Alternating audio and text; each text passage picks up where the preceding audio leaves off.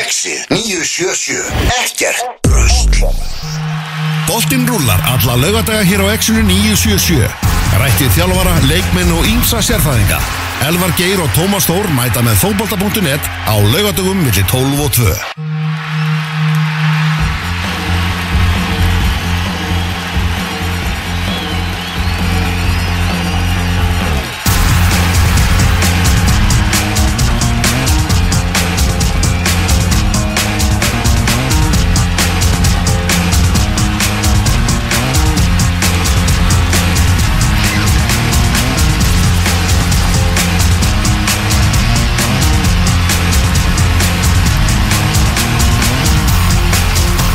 Það er lögadagurinn annar januar 2021 Gott og gleðilegt nýtt ár kæru hlustendur. Útvarstátturinn fótbolti.net komin í loftið. Elvar Geir og Tómas Þór Með ykkur til klukkan 2 í dag í beitni útsendingu frá Suðlandsbrautinni Einu starfsmennir á X977 sem að, sem að vinna þessa, þessa helgina.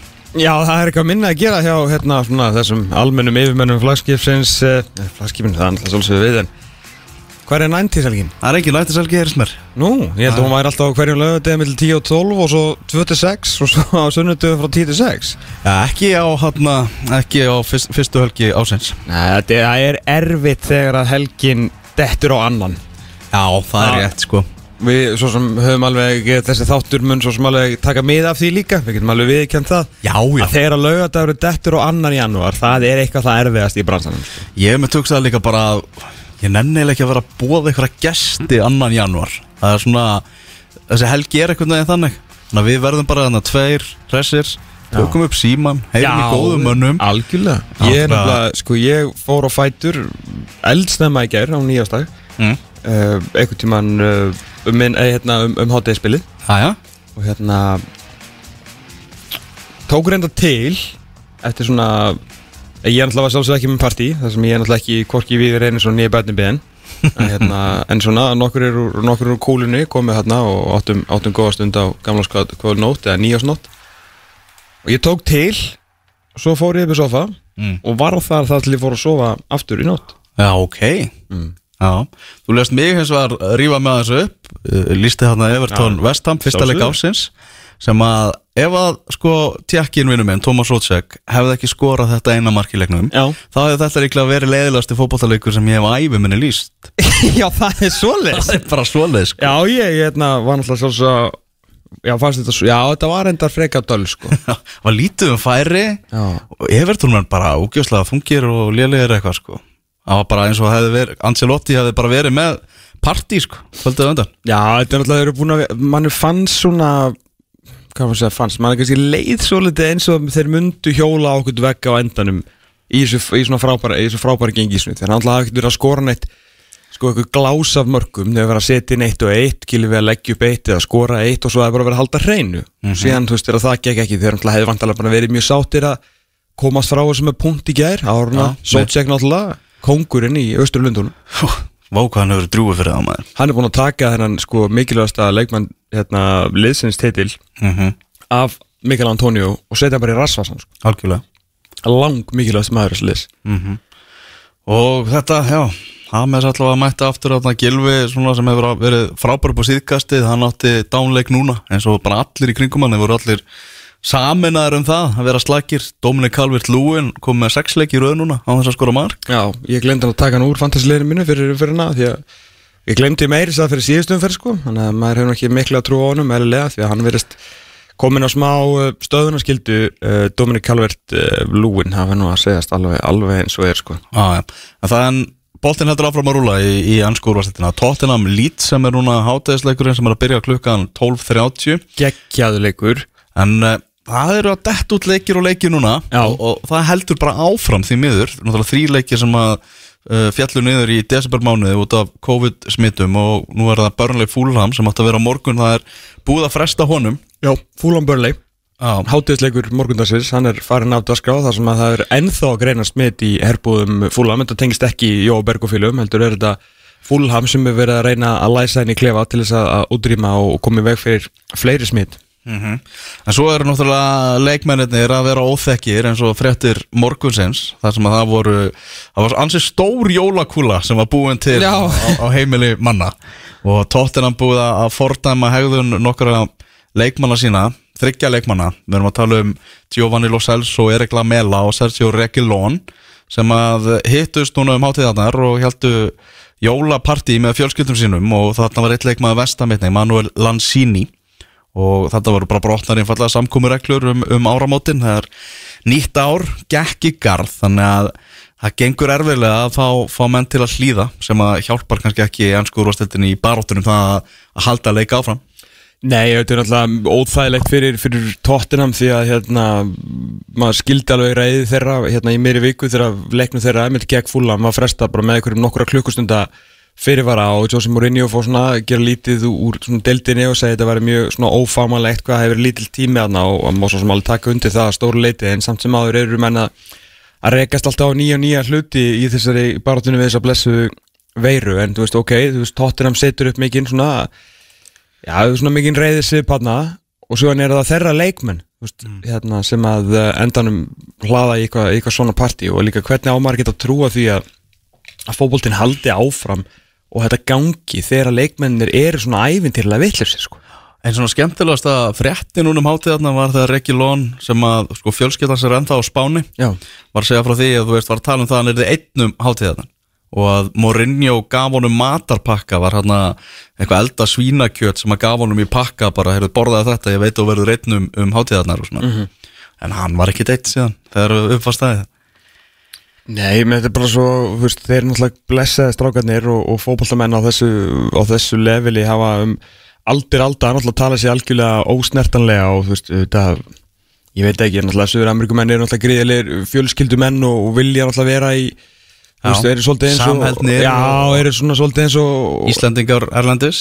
Já, eru bara svona svolítið eins og, eins og eitthvað svona eitthvað glæsileg hérna, svona, hvað maður að segja eitthvað svona á, á egrónum svona þú veist, þeir verið að halda sig í hópum skilur Já, og þú veist, það er bara þeirra það er bara þeirra þing, þeir vilja vera eins margir og hægt er, þú að stóra fjölskyldur og blanda fjölskyldunum og svona og maður veit ekki þetta, hvort þetta maður er ekki árið til að vera með þetta. Nei, þa- það er nefnilega málið Já. sko, maður veit ekki hvort að eh, maður eiga að vera eitthvað svona hvort þeir hafi verið svona vittlusir eða hvort þetta hafi verið alveg svakalega einbyttur brótavili og ég veit eiginlega ekki hvort er betra sko. Mm. En það sem allir eru að tala um, það er náttúrulega það að Manchester United er komið 33 steg upp að hliði Liverpool þegar bæði liður búið með 16 leiki í ansku úrvastildinni og einhvern veginn svona skrítið, þetta þetta er skrítin staða með að við umræðuna bara fyrir örfáum vikum síðan, þar sem að maður verið að tala um að sparka jafnvel bara ólíkunna solskjær og, og fara að segja þetta gott Já, menn staðin er bara þannig að ef að uh, Southampton gerir eitthvað á múti Liverpool á, mánudaginn, í mánudagsleiknum sem verður þá 4. januar um, og United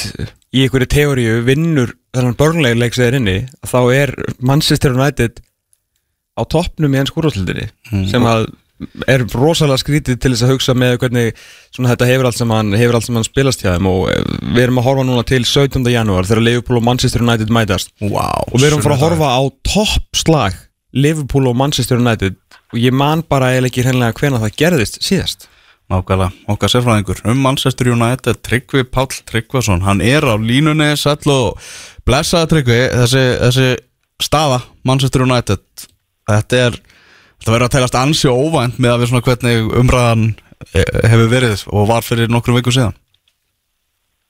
Já, þetta er, eins og segi, svolítið skrítið. Maður er ekki alveg, maður er svona, eins og vanur og maður var þessu fyrir nokkrum árum síðan, þá er maður ekki alveg, maður á ekki alveg að vennist þessu lengur. Og ég meina United hefur frá því fyrir svona hætti, þú veist, annars slægið vera á toppnum en það er alltaf verið fyrir jól, kannski byrjun tímbilsins, uh, þannig að þetta er, er all sérstætt og líka einhvern veginn eins og þau voru að tala um að maður finnur líka bara hjá sjálfum sér maður er svona alveg nokkur sem gefist upp á, á solskjær sko. Og hérna, þú veist, það er kannski þrjú skipti, það var í janúari fyrra eftir börnleikin það sem hann þetta vera svona komin á okkur að enda stöð en hann náði að rífa það heldur veitur upp og, svo náttúrulega þessi aflita byrjun á tímbilinu þannig að staðan núna er þetta sérstaklega í ljósi þess skritina hérna, ég meina uh, ég meina tapar þannig Krista Pallas slefar í sigur og þetta Brighton um hann rétt og skítapar svo fyrir tóttina mm -hmm. það var fyrir fyrsta landsleikil þú veist, það var náttúrulega ef einhverju sá sínt mér þessa töflu eftir það þá hefði maður alltaf bara að hleyja viðkomandi hérna, og svo líka eftir uh, lögið dætt út úr mestabildin þá einhvern veginn líka, þú veist, var maður svona ah, komin á einhverju endast að meina hann einhvern veginn næði alltaf að koma tilbaka og ná að setja saman svona rönn eftir að hann er komin í eitthvað á eitthvað svona vonda stað og solskeið sem er eiginlega bara sér magna. Og með þessi segra líka nú upp á, á veist, bara verið þú veist, ljómandi fínt, ég meina, þú veist, Aston Villa er náttúrulega bara gott fótbolltalið í dag, bara mjög gott fótbolltalið og náða svona meira sigur á því.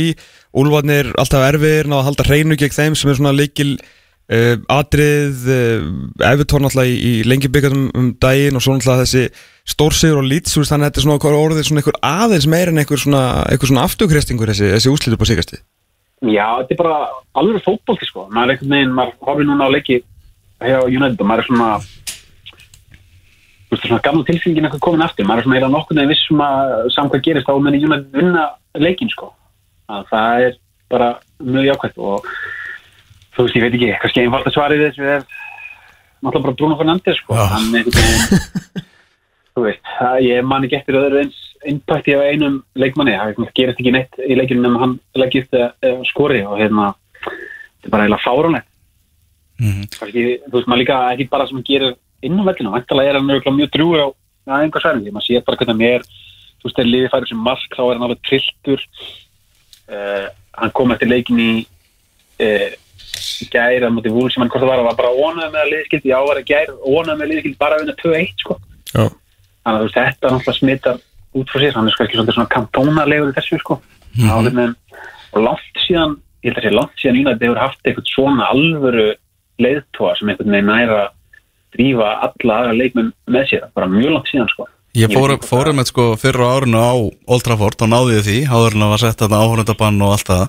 Og það er með það sem stóð helst upp úr í, í því að hafa fylst með Bruno Fernandes live var einmitt hversu ótrúlega mikill að skeina hann og hversu mikill leiðtói hann var inn á vellinu, bara strax og þarna var hann sko nýkomin í, í lið. Akkurat og hann einhvern veginn veist, það við kannski þekkjum allir allir unni með einhverjum aðalega sem er ógeðslega góður í því sem hann gerir og en líka krefst þess að allir aðrir í kringum hann séu góður og maður vill ekkit maður vill ekkit bræðast þeim sko, þannig að hann liftir, liftir mann með og sérstaklega karakterinn í hópnum er réttur og kannski það sem Solskjær má fór fyrir hann hefur, hann hefur svona náða að sikta eins út þessa gauðra sem átti ekkit erindi liði, svona hugafærslega sé sko, lossi við það, þannig að núna fylgst manni eins og veginn að þeir sem eru eftir í hópnum, þeir séu svona með hugan rétt stiltan á verkinni, séu ekki bara þess að hyrða launaseðlinn eins og hefur kannski oft verið raunin undarfærin ár. Nei, mér veist, það voru alveg leikmennin á sem velli í gær kvöldi sem eru kannski ekki, þeir eru allra allra bestu og kannski langt frá því, ég meina, þú veist fyrir, Erik Bæ þrátturinn hafið, þú veist, taklað einu svo nefnst á 1950 mínútu, meina, hann hefur gert meira slæmtöldur en gott, en engu að síður þessi tveim leikjum verið góður, þú veist, það er búið að kveða niður svona mikið um, um Lindelöf með hvað hann fekk mikið af svona skíti í byrjun tímimbils, þú veist, Luke Shaw er er að sleppa frá leikjum, náttúrulega Fred og McTominay einhvern veginn orðinir aðalmennundar að standa fyrir framann, þú veist, saman hvað fólki finnst um þessa leikmenn sem að, þú veist, ég held að flesti sem samanlega síðan ekki einhver, einhver, sko, engir wallbeaters, að þá er þetta samt alveg að virka, þannig að eitthvað er, er sólsker að gera að, já, í bæði að nota það og virki þá. í mitt og snýst kannski mörguleiti bara um hugafæri sko, bara eins og var hjá Ferguson alltaf, það var ekki endilega alltaf bestu leik Nei, einmitt. milli, sko, en alltaf, hann hafa alltaf náða að, að virkja það í, í þessu gera. Og með er bæ, hann er það sem er að vona með hann er að hann detta ekki Phil Jones þingekina sem að kalla hann sko, sem er þú veist að vera góður í þrjálíki og svona, er hann kannski bara getur eitthvað sko, svo meðist hann. Og kemur hann aftur og hérna, gerir þessi ænindir sem hann gerir held og svo byrjar þetta aftur og aftur. En það er bara frábært samt að ef hann er uh, mjög flottur í gær býtna mútið vúls og hérna, þú veist, fá auka auka bakkubínu miðurinn er náttúrulega frábært sko, þannig að það er það er ekki slæmt sko, en já, þetta er veist, það er líka alveg fokkalega breytt í liðinu sko, sem er svona kannski bara fínt sko, maður treystir ennþá fyrir öllum leikmennum sirka bát til að vinna sína vinnu sem er ekki, alls ekki verið þannig undarverðunar En einn af, einn af bestu leikmönnum allan svona í, í desember hlýtur að vera, vera Paul Pogba, þú veist, hann hefur verið að sína virkilega svona úr hverju hann er gerður, hann hefur spilað bara það stöðu sem hann hefur átt að, átt að spila. Uh, þessar lungu sendingar hans svona úr, úr dýftinni þegar hann er einhvern veginn að hrista af sér tvo með að slengja raskatun í það og svo kemur ykkur 40-50 myndra píla búin að vera frábæður með Sheffield United leikurinn, góður í gær og svona. Er hann að spila bara, þú veist, er Óli Gunnar Solskipun að virkja til þess að vinna englandsmeistaratitil fyrir Master United eða vera allan í barátinni eða er hann að spila upp á að koma sér eitthvað í januar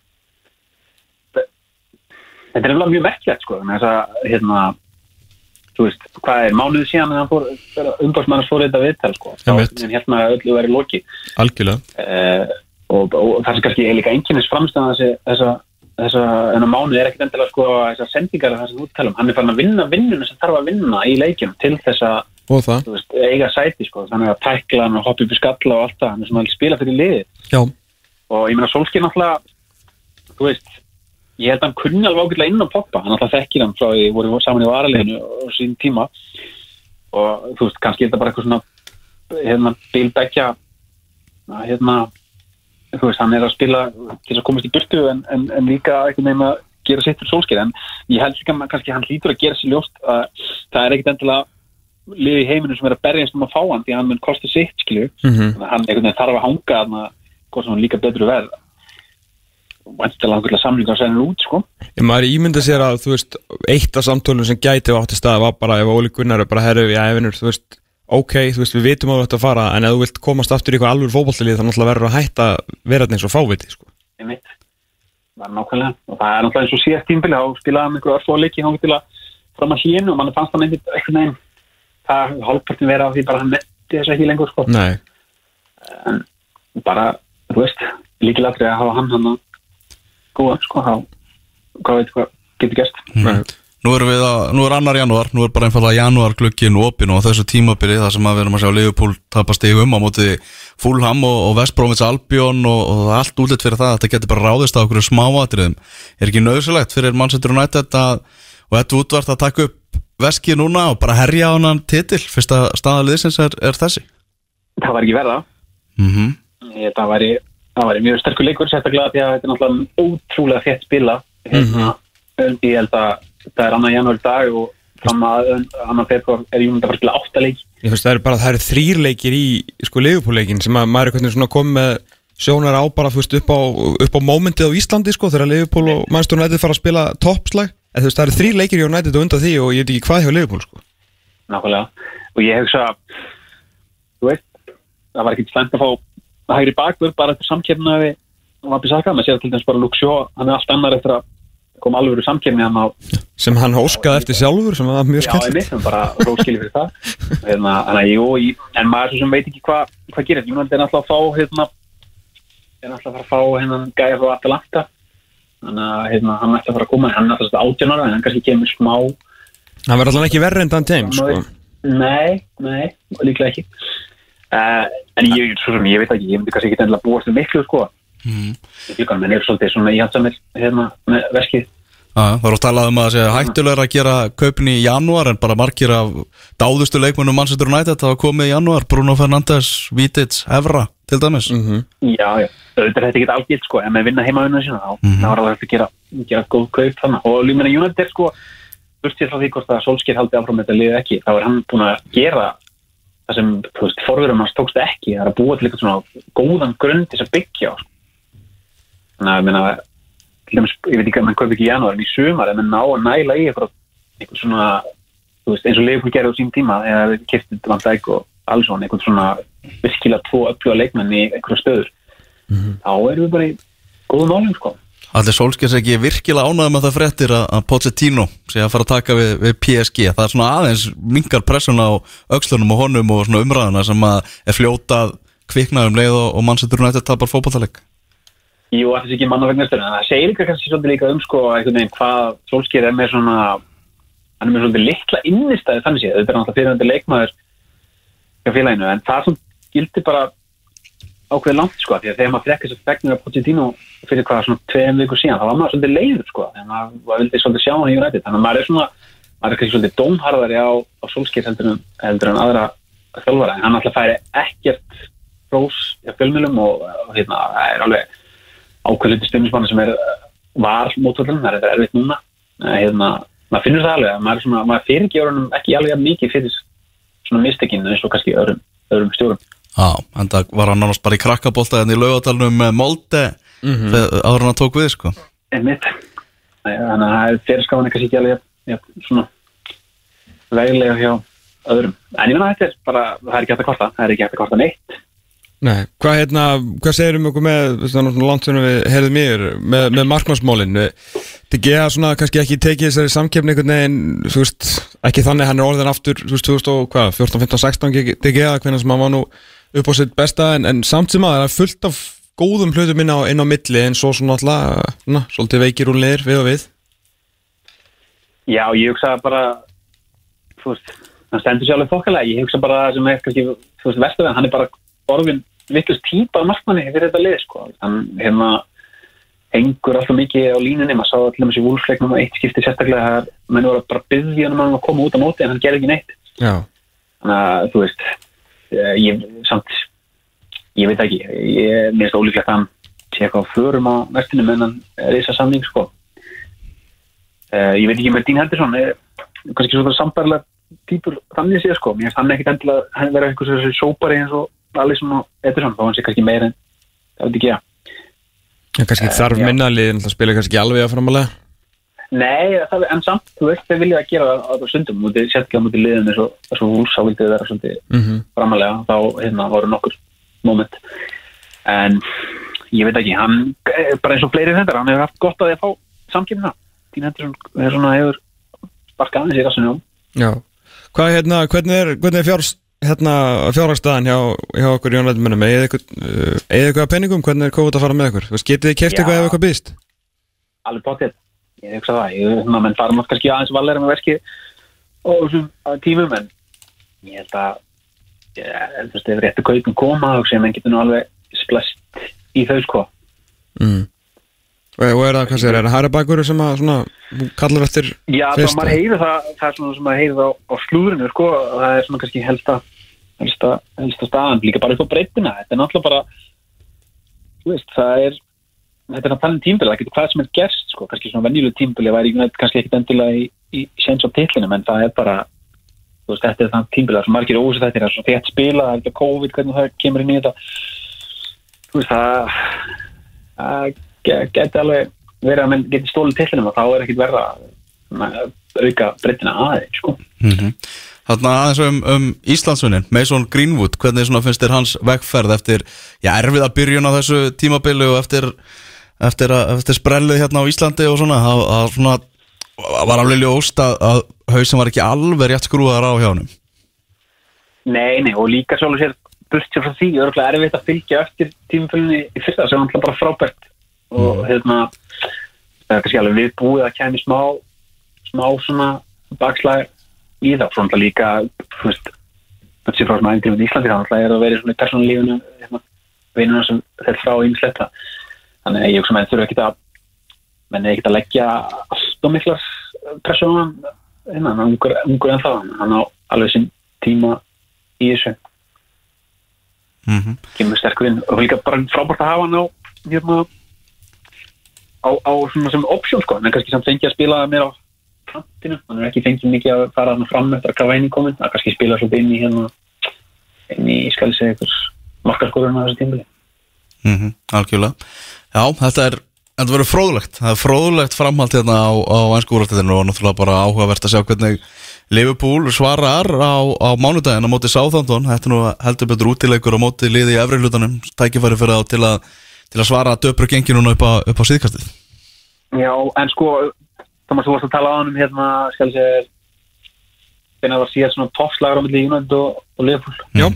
var það ekki bara 2009 2008-2009 tímbili þegar hérna liðin voru að berjast Jú, það var svona fyrsta sem hefði komið með, í höfuminn þegar voru, þegar Liverpool var á toppnum hérna, var það ekki í desember 2008? Jó, og þessi fræga hérna fakts ramt hans Benítez kom Já, inn í það. já, já, já, já, já. þessi, þessi lið hafa raun satt ekkert oft þannig sé að verið að berjast um titlinn sko. Nei, raun og veru ekki, það er alveg rétt sko. En það svona allavega þau séu kannski, þú veist, í topp fjórum eða eitthvað, það hefur enda kannski gerst aðeins á síðust árum, Mourinho og svona eitthvað þannig sko.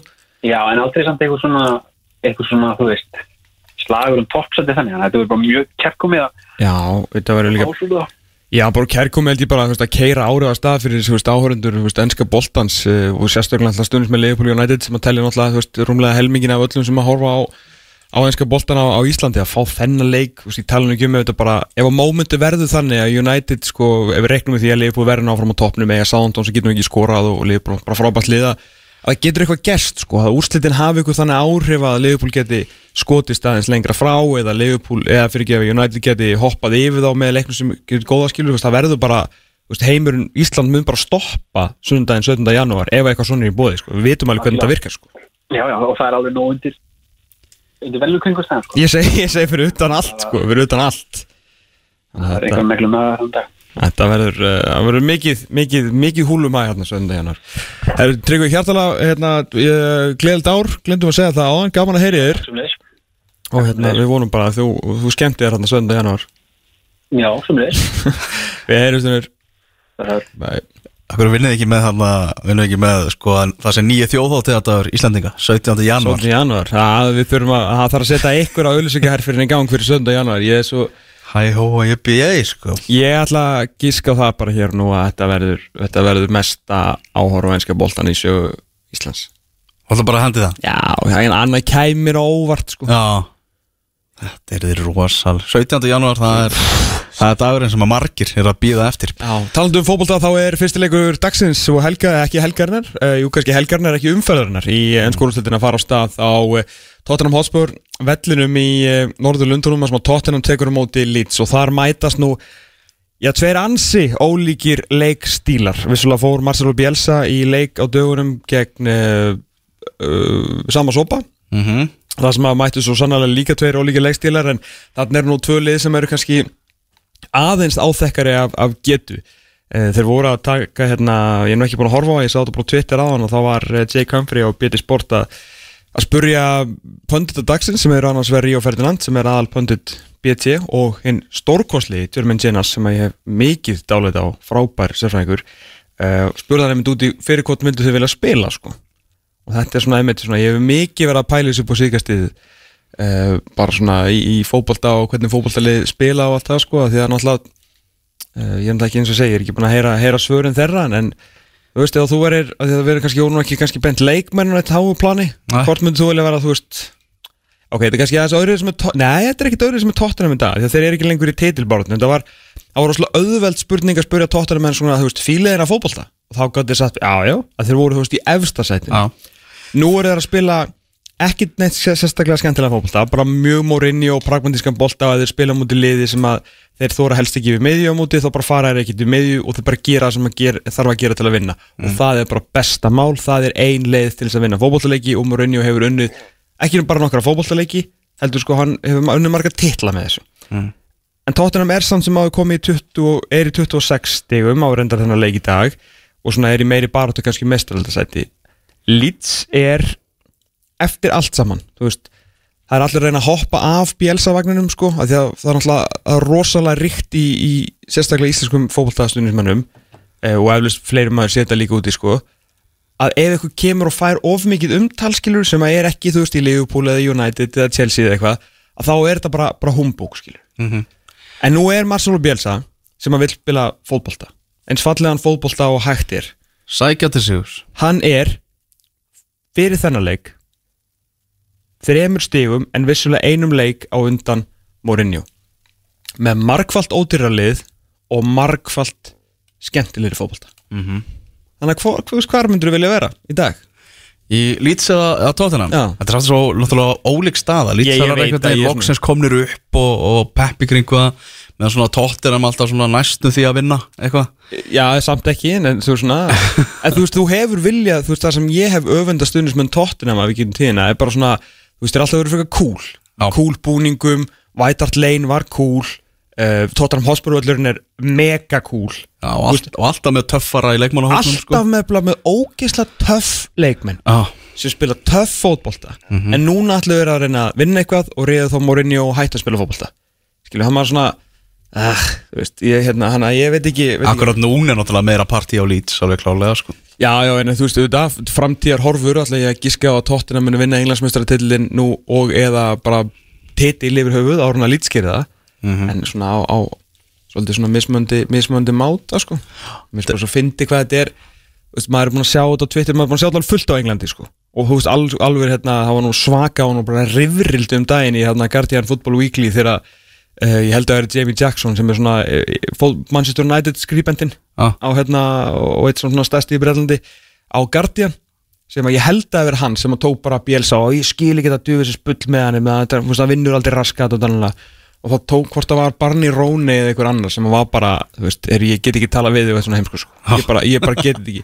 Að það sem hann alltaf var að benda á og það sem að þú veist, svona Bielsa menn hafa verið að benda á þú alltaf ert ekki, það er rétt sko. Þú er, ræður ekki Marcelo Bielsa til að vinna einhverja titla sko. Mhm. hann spilar eiginlega fótbolta sem er svo mikill fótbolti að það er ekki hægt að vinna fótbolta titla því hann spilar svo mikið fótbolta sem er náttúrulega algjör einhvern veginn sko Hann Championship titillinn kom í hús Já, Já, er náttúrulega, þú er ekki Íslandsmeistari í, í næstustu deild sko, Nei, nei. Bara höfum það alveg á hreinu. En einhver síður, hann kom þeim upp um, um þeirri deild Mhm. með sjöunda stærsta budgetið En sko, langbesta fótboltan Og hérna, Langmestu gleðina. Langmestu gleðina Já, að já, svo líka bara áhrifin sem þessi gæi hefur haft á stærstu stjóra nútímann, sko. Það er einmitt málið sko og Þeir eru náttúrulega, þú það er engin að segja hérna, að þeir séu að kópira allt eftir hennum Því að hann sé svo ógeðslega frábær sko og Þeir náttúrulega að sjálfsögðu þú ætlar að vinna einhverja titla þá þarf að taka bara ákveðna hluti frá Bielsa og skilja fullt eftir því að hann eins og segi er náttúrulega langt frá því að vera með eitthvað svartabelt í að vinna einhverja titla að því að hann náttúrulega bara veist, pragmatík og eitthvað svona það bara gengur ekki upp. Reyndar, sástu þarna börnleileikin þegar hann hendi bara Calvin Phillips í miðurinn til að fara að díla við þessa skallabótt Já, það var svona þá fórum við margir að tala um að hann væri að þú veist að bara skipta um leikstíl. Hann, bara, hann, hann aðlæðast bara víst. Já það hefur verið svo mikil fyndin umræða bara verðu Bielsa skiptum leikstíl? Já, það, það er bara, hvernig, þú veist, það er með svona hérna, yfirmenn, hérna, Júragarsins á Englandi eins og Paul Merson var bara eitthvað, hann verður að skipta um leikstíl. Já, ok, hann er búin að byggja hérna hugmyndafræði í Mhm. 40 ár svo nær hann ekki að vinna nokkra fótballtaleiki í ennskúraslitinni og þá ætlar hann bara að byrja upp á nýtt. Bara 65 ára gamall Já, þá ætlar hann að fara að breyta til fyrir af- næstu 40 ár þannig að hann Paul Merson segir það. Einmitt að það sé að fara að gerast. Einmitt. Ég meina þú veist, ef að Leeds tekur þá ákvöruna að þeir hérna sagt, e- já, yfirmenn þeirra á þessum að borga brúsan, taka það ákvörun bara, herru, við erum kólum bara fíntlið, við ætlum að setja meiri pening í þetta og okkur langar að vinna einhvern byggar hvað sem að sé, FA Cup eða satsa á Evrópu, reyna að vinna Evrópudeildina ég er bara að vinna helvitis enn skúrasteildina þá verður Marcelo Bielsa bara látið fara, skilur við -hmm. og Marcelo Bielsa mun bara fyrstu bara ok, þú veist, hann er ekki með þetta eitthvað vesen hann bara ok, þú veist, hefur ekki trúið þessu þá hef ég ekki trúið ykkur og hann bara fer hann, sko. Mhm. þannig að ég veit ekki, það er náttúrulega eru mjög fálið sem á endanum vinna titla og byggara í heiminum sko.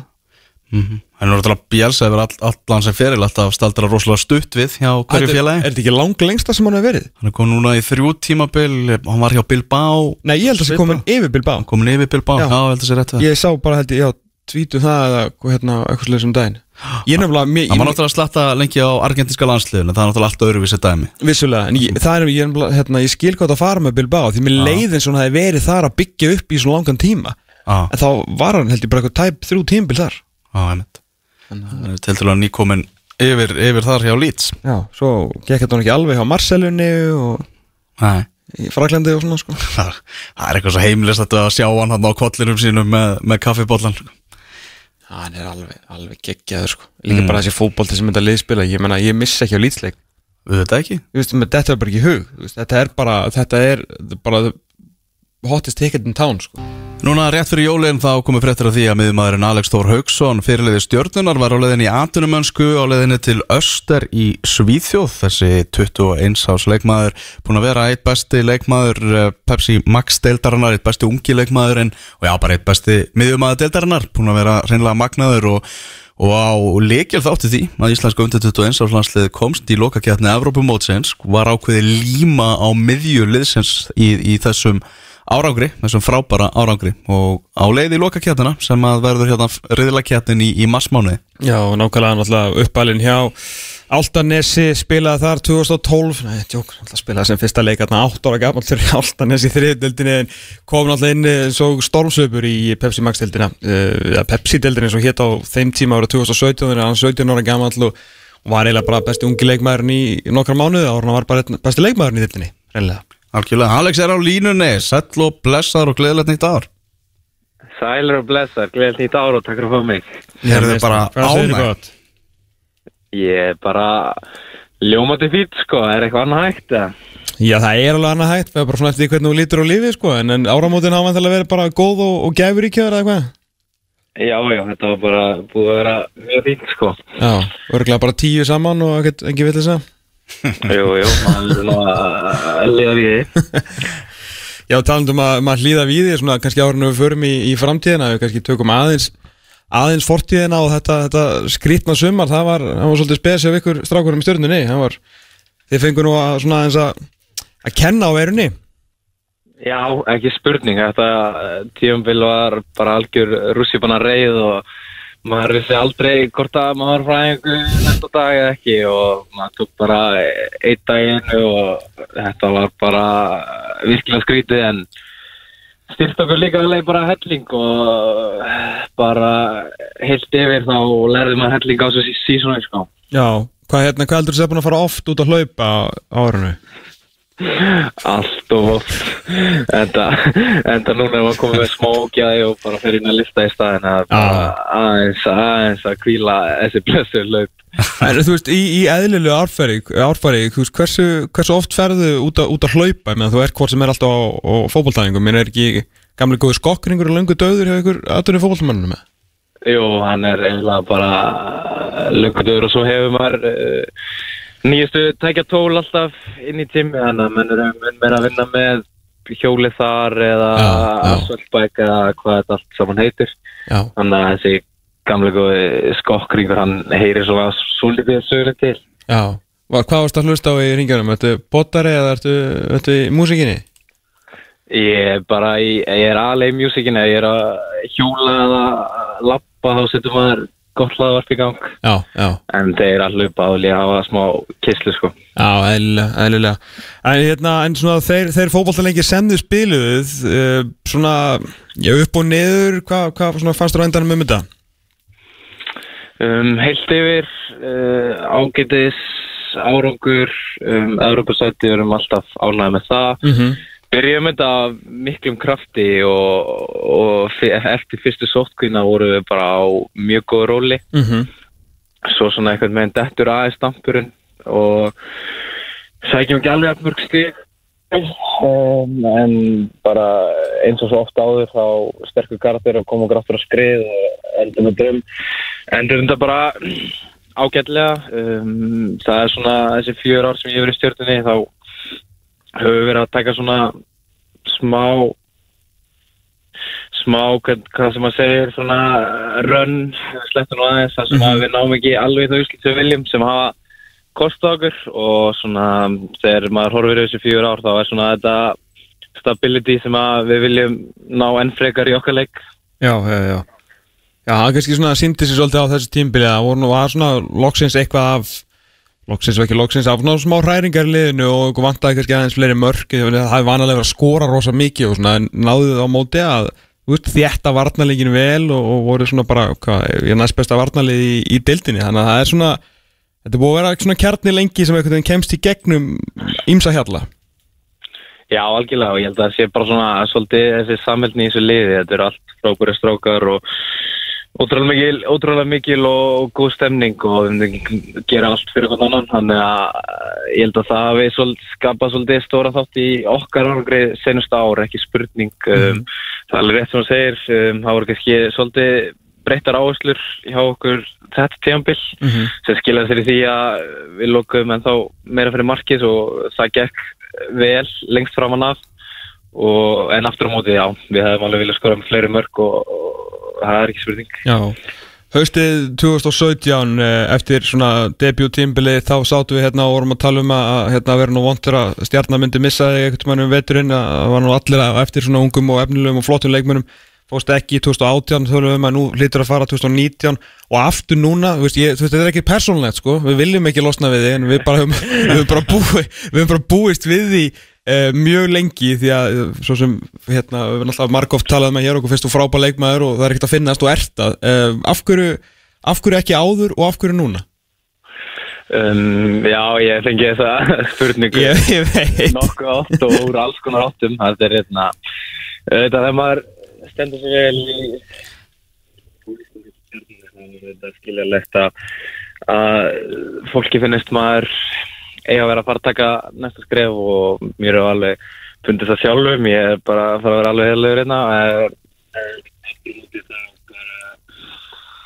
Um, fór það ekki svo og ég bara var staðarinn því fyrir hvert einasta tífambil að halda frá bæta minn leik og, og, og þróa mig. Þannig ég gæti tekið næsta skref sem eru markuðið þetta lengi og, og síðan einmitt kemur östrinn í myndina núna og hafa fylgst með mér svona vel senstu tvö ár og, og það sem smikið alltaf vera að passa ekki fara út bara til að, að fara út. Þetta fyrir mér er þetta er þetta rétt, réttu tífampunktur og svona gott skref til að halda áfram að, að spila, ég er búin að spila senstu fjögur tífambil fyrir stjórnina og ég vil halda því þetta áfram til að þróa minn leik. Og þetta var svona heilt yfir fannst mér bara að vera rétt ákvörðu núna. Þannig að ég bara hlaka gríðilega mikið til að takast á þessa nýja áskorun Já. Þetta er allt saman klappað og klárt eða ekki allir pappir og undir þetta og, og hvenar ferðu það nút? Ég fer út bara tíunda jan á byrjar fjörið Ok Á byrja stuðið. Þetta er lið sem að hvað endaði fjórðarsætti í, í svensku bjettildinni. Hvað getur þú sagt okkur um þetta lið? um, Þetta er ekkert þetta er ekkert stærsti klubburinn í Svíþjóð en eins og segir þeim gekk vel endur í fjörðarsæti og, og síðan ætlaði núna bara að setja allt búður í að fara upp meðal annars með því að, að ná í mig og þetta eru mestmagnis bara svíjar þannig að það verður mikilvægt að koma sér inn í tungumáli og, og læra svenskuna um, þetta er bara ungur og ungir og spennandi þjálfar um, þannig að þetta er bara það er eitthvað og það verður bara mjög spennandi að taka þátt í þessu um, Svona, nú ætla ert að fara í, í svaka stóran glugga í, í hérna, lókkeppni U21 var engin pæling hefur að að býða eftir, eftir því að reyna að sína þig til að kannski að, að eiga möguleika að fara eitthvað, eitthvað starra, það varstu bara mjög sáttu við þetta skref saman hvað myndi gerast það? Uh, jú, þetta pæltum maður því og, og maður velti því alveg mikið fyrir sér svona en alltaf að vera botning kvólt þá fannst mér þetta bara að vera rétt og helst eftir skref sem ég var bara orðin virkilega spenntu fyrir og ef það kemur eitthvað fyrir eftir eftir þetta EM þá held ég að það voru ekki spurninga þannig að ég er bara já, þetta var, fannst þetta bara að vera rétt skref og bara get ekki betra að byrja daginn fyrir Mm -hmm. Nákvæmlega, þannig að þetta er mjög svo áhugavert ár fyrir þig náttúrulega sem er, sem er farið á stað, nýr klúpur og, og nýtt umhverfi og allt nýtt og svo náttúrulega þessi, þessi lokakefni sem að þið hljótaði að byggja ansið spenntir eftir. Jú, klarlega, maður er bara til með dæmi það að það fengum virkilega spennandi riðil sem við hefum bara tröll trú á að við getum farið upp úr. Þetta verður þetta þrjú frábæð lið en, en við trúum því bara okkar degi þá getum við stríkt hvaða lið sem er, síndum það á mútið ítölum sem er náttúrulega eina Það er ofta sem svolítið á því að þegar þeir skora á 90. mjög og tryggja sér sigur þannig að við erum hundfúlirinn í klefa að við séum nú komnir alveg mjög langt og það er engin hefni að vera komin á lokamót og við erum ekkert mættir bara eh, til að taka þátt, við erum mættir til náraugri og, og það er allir virkilega virkilega mótiverðar að gera góða hluti Mm. Það er enda einn maður sem kannski svona minna peppaði fyrir þessu og hætti bara þá þjálfarinn Já, er skrið fyrir hann ég þá auðvitað skona til hamingju það verður spennandi að sjá hver fer með okkur hann er alltaf búin að vinna frábært starf fyrir okkur og, bara ég er ánæður að halda áfram að gera það innan knastbyrðu sambandsins bara eru búin að gera virkilega flott starf og ég hef enga trú öðru nema þeir mun halda því áfram Já, það verður spennandi að sjá sundikefni á allansliðinu Já, ekki, ekki spurning. Hvað hérna svona þegar þú skilur við þessa þjálfara uh, sem hafa búin að koma þessum hópa á, á, á EM, hvað er svona hvað er svona eitt tvent sem þú tekur svona frá þeim, hvað, hvað er það sem að uh, þú myndir segja ef ykkur á alhanslinu myndir ringi og spyrja út í svona hverju svona styrkleika er og hvað, þeir, hvað þér fannst þeir gera vel? uh, mér fannst það sem þeir gera vel er að þeir tröll að trú á sínu leikir og sínu, sínu, sínu leikfræði og þegar maður lappar út inn á öllin þá veit maður nákvæmlega hvað maður er að fara að gera. Mhm. það eru, það eru engir óvissið eftir. Þú veist nákvæmlega hvernig leikurinn að fara að þróast.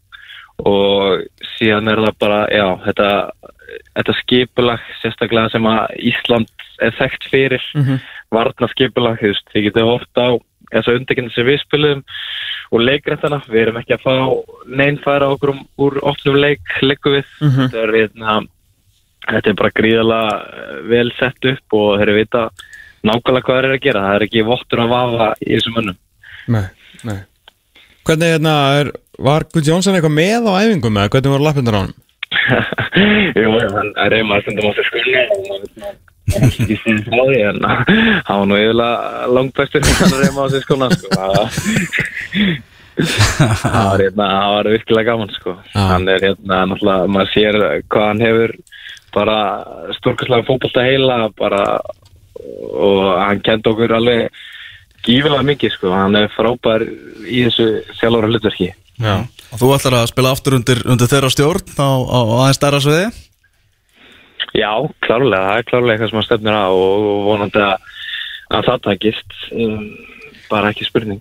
Já, ég er bara, þú veist, bara óhætt að óska þér hjertilega til hammingju þó aðalega með það að þau eru ekki lengur að fá spurninguna allar ekki að fara í aðdunum, sko, því að það er loksins orðið klart Þetta var síðasta sinn. Síðasta sinn, allaveg, svo nákvæmlega. fari næstu spurning að vera að það vera leiðilir þá þau eru að spyrja hvernig ætlar að fara að koma heim, sko. En þá eru vonandórin gamall og lúin. Já, við vonum það, vonum það Herru, Alex, bara gleðil tínt ára aftur, takk fyrir að taka síman og bara gangi ég vel. Já, takk ég að læra mig og gleð nýtt ár Sumulegis, bye bye Bless, bless. Já, þetta var Alex Þór Hauksson sem að eh, er að kveðja stjórnuna og það er bara reysa stór, stór skarða að Vá. fylla fyrir, fyrir garbaðinga að missa þarna fyrirlega sinn. Já, heldur áfram sko upp hristan í, í garðabænum náttúrulega aðstóð samþjálfarinn hættur. Um, er nýr komin auðvitað? Totti mættur til að eh, aðstóða eða, eða þjálfa með, það veit engin uh, Rónar Páli, náttúrulega Gauði Bald fann í K.R. Uh, Guðjón Pétur náttúrulega bara fór aftur í, í blikana, var á, var á láni. Uh, Jói Lags eitt af sko bara kennileitum Garðabæjar, hann er hættur. Jobbi hættur. Og Alex Þór farinn, við erum búin að fá Einar Karl Ingarsson frá Val sem er alltaf mjög stert og væntalega þá hugsaður bara sem Alex Þór Hauksson, kannski einar Það ekki, það var ekki bara að sé þetta fyrir, þetta ekki lungu örgulega farið í mósjón, já getur verið. Ekki ólíklegt. Martin Hásberg komin heim uh, úr láni frá Háká og svo náttúrulega þessi óvæntu en hrikalega skemmtilegu félagskipti þegar Ólaga Kall Finnsson snýr aftur, aftur heim í stjórnuna. Já, algjörlega. Við hefum þetta að skoða hér á eftir eh, svona gluggan hjá valsmönnum sem að mestar hræringar verið hjá Íslandsmeisturunum núna eftir að, að tímabilinu lög mm. hver eru komnir og farnir? Ætlum aðeins að rýna í það hér á eftir. Ímislegt framöndan í útastættinum fótbolti.net á X977 við verum hérna feskir með ykkur til klukkan 2 Fótbolti.net á X977 á öðrum degi ásins 2021 og útastættinum fótbolti.net í fullum gangi. Uh, Það er bara þannig uh, Tottenham er komið yfir á móti Leeds. 30. mínúta í gangi og uh, Tottenham fekk vítaspinnu Harry Kane á punktinn og skoraði. Já, hann fór ekki, uh, hann ekki flókið fyrir hann, þetta bara mitt markið fram hjá Ilon uh, Melier í markinu hjá uh, Leeds, Algjörlega. Herruðu, valsmenn, léttir í lund. Þeir eru búið að vera mikið að gerast í leikmannamálum hjá, hjá Íslandsmeisturum Vals eftir tímabilið. Eh, Fengur náttúrulega heimi Guðjónsson hérna um daginn til okkar og, og spurðum hvort hann ætlaði að styrkja liðið enn frekar og hann sagði já, já, það er bara þannig að það eru fleiri fartirlistarum heldur en komnir og eh, hann, hann að það er alveg ljóst að þeir ætla að fá jafnmarka inn og, og fara út með við þessu orð og þeir sem eru farnir frá valsmönnum, það er Kasper Hög sem að fór aftur til Randes eftir að verið á láni Já, það kæðast beða okkar, epa. Já, Einar vakti nú, mikla lukku í liðunum. Já, hann gerði ímislega, hann var, var hress utan sem minnavallar, sko, Mm, aðalega utan. Einar Karl Ingvarsson fór í stjórnuna Eður Aron Sigurbjörnsson hjælt heim með fjölskylduna til Vestmanneja fór til IPVAF Aron Bjarnason uh, aftur til Úpest eftir að hafa verið á láni og svo er það Lasse Petri sem fór til HB Köge til Perúto og félagann, það gerðist náttúrulega bara um daginn. Fór náttúrulega fréttin um það að Lasse Erú. Já, sem var hérna íþróttastjóri þróttar um, um tíma. Uh, en Lasse Petri bárust náttúrulega fréttir af því og hann sagði við danska fjölumila að, að hans helsti kostur væri að spila í heimalandinu á næsta tímabili. Valsmenn reyndu að halda honum en það í liði ásins frábær á miðjunni hjá hlýðanættaliðinu hér er ykkur að sögum það að hann var satt ekkert allt og mikið hrifin af hversu mikil, mikil áhersla var á hlaup hjá þjálfurum valsmanna. Veit ekki hvað er til í því en Já, er hann í aða smá lúksus í Lasse Petri sko. Já, ég meina, þú veist, um hvernig virkar hvað, ætlaði hann bara að standa á miðunum bara, en það sé bara heim í guðans bara árið ára hann fór til þjálfur hann fannst aðeins svo mikið hlaupið. Já, já, allt í lagi, allt- en það er alltaf líka alltaf máli með Lassi Petri, þá Petri er ég að tala um æfingum og, og Já, já, já, já, bara mjög fyndið að kvarti yfir hlaupið út fótboltamæður og svona eins og fyrir okkur að kvarti yfir að þeirra að tala í mikrofón. Já, nákvæmlega. En þetta er reysa, skarð Þetta er það, því að náttúrulega tók Lassi Petri svolítið tíma að verða sá Lassi Petri sem að, sem að lofað var. Hann er svona einn af þeim leikmennum sem að sko fyrst þegar hann kom, þá heyrði maður frá svona tengilegum sínum í, í umbóðsmannaheiminum að Valur hefði þarna selst í ég farið í næstu hillu fyrir ofan svona almennu Íslandshilluna þegar að að bjóða leikmenn hinga til lands er svona ákveðin hilla sem við kaupum leikmenn úr sem er svona, þú veist, auðvitað er byggt á, á peningum sem ættir að eða en nokkuð ljóstof fyrir svo sem ekki þá heldur millimála og allir vita það svo sem að að valsmenn eiga tölvert meira píningum heldur en önnurlið og, og allt í góð með það. Þannig að þeir fóru hérna í, í hillu fyrir ofan og hann þótti vist svona kosta sitt uh, og var kannski ekki alveg að standa undir því maður sá samt oft svona það var alveg heljarins hellingu spunnin í hann. Ég man bara þegar var að horfa á hann fyrst í í eigilsöllinni, hvernig hann einhvern veginn snýri af sér menn og dundraði svo bara einhverjum 60 metra díukunal pílum hægri vinstri, sko maður hafði ekkert séð svona í langan, langan tíma. En náður samt einhvern veginn aldrei að tengja saman einhverja leiki og hvað þá okkur tímbili og svona, þannig að tók hann svolítið tíma að detti gýrin en síðan þegar hann loksins já varð bara maðurinn sem að lofa var þá var hann algjörlega frábær í sumar, þannig að hann breyttist úr því að vera bara svona Já, já, ok, þú veist, enn er Danin farin heim í það að þetta er bara eins og þú segir, það er bara stórt skarað höggið inn á miðuna hjá vansliðinu sko. Mhm. og náttúrulega Einar Karl Ingarsson farin líka þannig að Einar Karl sem hefur verið frábær hérna árun og undan, þú veist, ekki getur hann dottið inn í þetta allinu sko. Þannig að við erum að tala um að það eru fimm leikmenn farnir Já, fjórir leikilmenn og, og varakall Já, náttúrulega, já, Eiður Aron náttúrulega líka bara risa, risa biti sem, að- sem að fór Já, algjörlega, þó þáttur hann kannski hafi ekki spilað jafn mikið og hann hefði óskað eftir, þá náttúrulega held ég telli við okkur nokkuð vissið um að hann hefði verið aftur komin í byrjunliði, en náttúrulega á, á sínum degi besti miðvörun í þessari deild. Þetta var svona þannig þegar maður sá hann þegar þeir eh, fóru og rændu og upplöðu öllu hann sem þeir fundu í Lilliström valsmenn og fóru náði bæði Tryggvar Hrafn og Arnár Smárasson þá var maður fann svona pæli því bara ok, er valur að fara að vinna þetta mót með veist, 5, 10 eða 15 stegum og ég er ekki að segja það að ég ætlum að fara að gefa þeim slaka þessi eitthvað minna líklegir til að vinna þetta mót nóga fótboltaköllum er hana en það er samt þú veist það eru búin að missa rosalega góða leikmenn sko. Afskaplega góða leikmenn. Þeir þurfa ekki að vákjöra á sóknarlínunum hjá sér segja, með Tryggvar Hrafn og Arnór Smárasson sem eru komnir. Já og Patrik Pedersen og Kristinn Frey og, og Kai Leo og svona. Já, þetta er bara allt saman ljómandi fínt en sko náttúrulega Arnór Smárasson bara búin að vera ógeðslega lengi í atvinnumösku og nú er hann bara að koma heim og, og kemur í val. Tryggvar Hrafn Haraldsson hins vegar, náttúrulega var búin að vera leikilmaður hjá Skagamönnum fer séðan þarna út til Lillaström á stuttum samningi. Frábær með Lillaström og hjálpa liðinu að komast upp í efstu deild í Norri og þá hugsaði maður ok, það er bara einhverju einhver bara stærri lið heldur en Lillaström að fara að sækja þennan gæja. Hann með samning frá Lillaström á borðinu hjá sér en enda með því að semja við valsmenn, koma aftur heim. Uh, hver er ástæðan? Já ég nú bara vissi þetta ekki. Ég held að hann valdi bara val fyrir ekki heldur en Lilleström Já, og ég, eins og ég ég spáði því að myndi myndi taka, ég- þú veist, eitthvað stærri félum myndi, myndi jafnvel bjóðun samning. En hann var með samningstilbúð frá Lillaström en það frábær með þeim. Já algjörlega, algjörlega. Ég hérna þú veist, ég alltaf sé að fá bara það mikið meira hjá val að vilja vera heima. Ég held bara einhvern veginn að Ég ég, ég, bara- ég held að það sé bara stóra svarið sko, við þessu. Bara, Það er rosalega erfitt að benda okkur annað Nei, bara valsmenn geta bara bóðið sko. bara betri samninga heldur en mörg félög í Skandinavíu og, og bara gerðu það í þessu tilfelli, ég held að það sé líka það ekki bara beint við Jú, ég ætla að vona ég veit náttúrulega vilja menn eiga fyrir salt í grautinu og allt það en eh, kannski þú veist það er aðeins stærri gluggi hefði maður haldið að vera í norsku elitserien hjá þú veist ráttur að kannski Leiliström hefur að- svolítið mátt munum sem fífili fjöri að það voru þetta samt Oslo er lið með svaka hefð og þú veist þetta er lið sem að vekur aðtegli og skipt svo sem ekki máli með hverju spilar við höfum alveg séð það eh, veist, Matti Villa fór úr start í Rosenborg sko. Þú veist, ef þú spilar vel í þessari delt þá færðu stór tækifæri liðin þarna eru algjörlega óhrætt við að kaupa leikmenn og fá til sín leikmenn úr, úr minni félögum upp í því efri og það er bara þessu gera uh, gera mjög reglulega sko.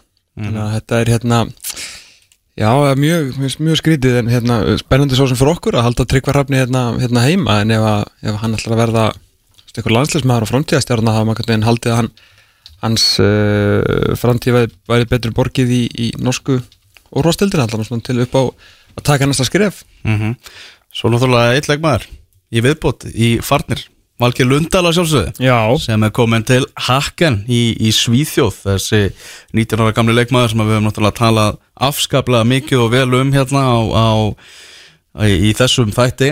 Á síðast ári. Já, er, er nú að fara í sænsku úrvarslitina, gerði fjögur ára samning við Haken og Já, það sko, bara stærstu liðunum lið sem er enda bara í þriðja sæti. Það er ekki að fara í, bóttbárotuna eða eitthvað meðlungslið, ég meina, BK Hekkin er bara, er bara stóru klúpur og þetta er rosalega flott og stort múfjónum, ég ætla svo sannarlega að vona að sé að vera að kaupa hann til þess að spili, ég verð Já. brjálaður ef að vera að kaupa hann sem einhvern framtíðar kall og hann verður varamæðar sko. alltaf með við sögurna hvað er að við borga fyrir hann þá, þá er þeir vandalega að hugsa bara sér leikmann strax í lið. Rétt Það er bara þannig, en þetta er það er rýmislegt þannig að við erum að tala um já, þá er þetta sex farnir með honum. Já, ég meina heimur sagði það við okkur, það vantaði einn í einni hverja línu, þannig að það er ljóst að þeir munu bæta við þessi miðverði til að bakka ára og eið og þeir þurfa núna uh, vinstri bakkur því að hérna, hvort sem að Maggeils fái annan sensaðna, það er engin valgið til hendunum og liðin núna, þetta lítur líka með þessum þráttur að Tryggurhafn og Arnórs Márásson kosta eflug sitt að þá er þetta fokkalega launapakki sem var í, í Lasse, Arunni, Eyði og Einari Karli? Örglega eitthvað minna í minna í, í Valgeri Lunda. Ég ætla nú að svona giska á það að svona performance versus krónur hafi verið svona besta hlutfallið í deildinni hjá Valgeri hjá Valgeri Lundal uh, en það ætti að vera mjög svo opið svona opin, hvað var að segja opin gluggi í bókaldurinn til þess að bæta við einhverjum alvöru alvöru leikmunum bæði vörnina og miðuna og talandum að, að, þú veist, að borga vel og, og hérna og hafa líka alið upp sína leikmenn sem að kannski vilja koma aftur og þá náttúrulega hlýtur þetta að setja svona já, lækka stöðlinn á það að skúla sem komið heim. Já, það ákvæmlega áttur að segja kannski ekki endilega hans fyrsti kostur en Já, hann daldi, þetta spjalla okkur um daginn daldi litla líkur á því hann var ekki útilokað að þegar valsmenn eru að fara að vinna félög í Skandinavíu í, í baróttunum leikmenn Já, þú getur náttúrulega líka, sko, þetta snýst ekki bara um peninga, þetta snýst náttúrulega líka bara um, um að selja mönnum einhverja hugmynd og eitthvað ævintýri og eitthvað verkefni, eitthvað sem þið vilja taka þátt í. Þannig náttúrulega heimir var að segja ykkur því að þeir ætla að fara að æfa núna tvisar í viku eins og, eins og atvinnumenn vera á æfingarsvæðinu og hérna, og eitthvað mun og kosta líka að koma til mótsvið, hvað sagði hann við okkur að hérna, koma til mótsvið hérna, atvinnureikandur upp og vinnutap og, og reyna að gera eitthvað varandi, varandi þá hérna, fáið stráka sem er í, í skóla þarna líka Þú ert að selja þeim það, selja þeim allavega ára ykkur svona skemmtilegir hugmyndafræði og hvað og hvert er á endanum loka takmarkið í þessu öllu þú ert með allavega tvo dagi viku sem atvinnumenn, þú ert með uh, randýrt lið fullt af frábæra leikmennum, þú ert með besta þjálfara sem hefur þjálfað hérna,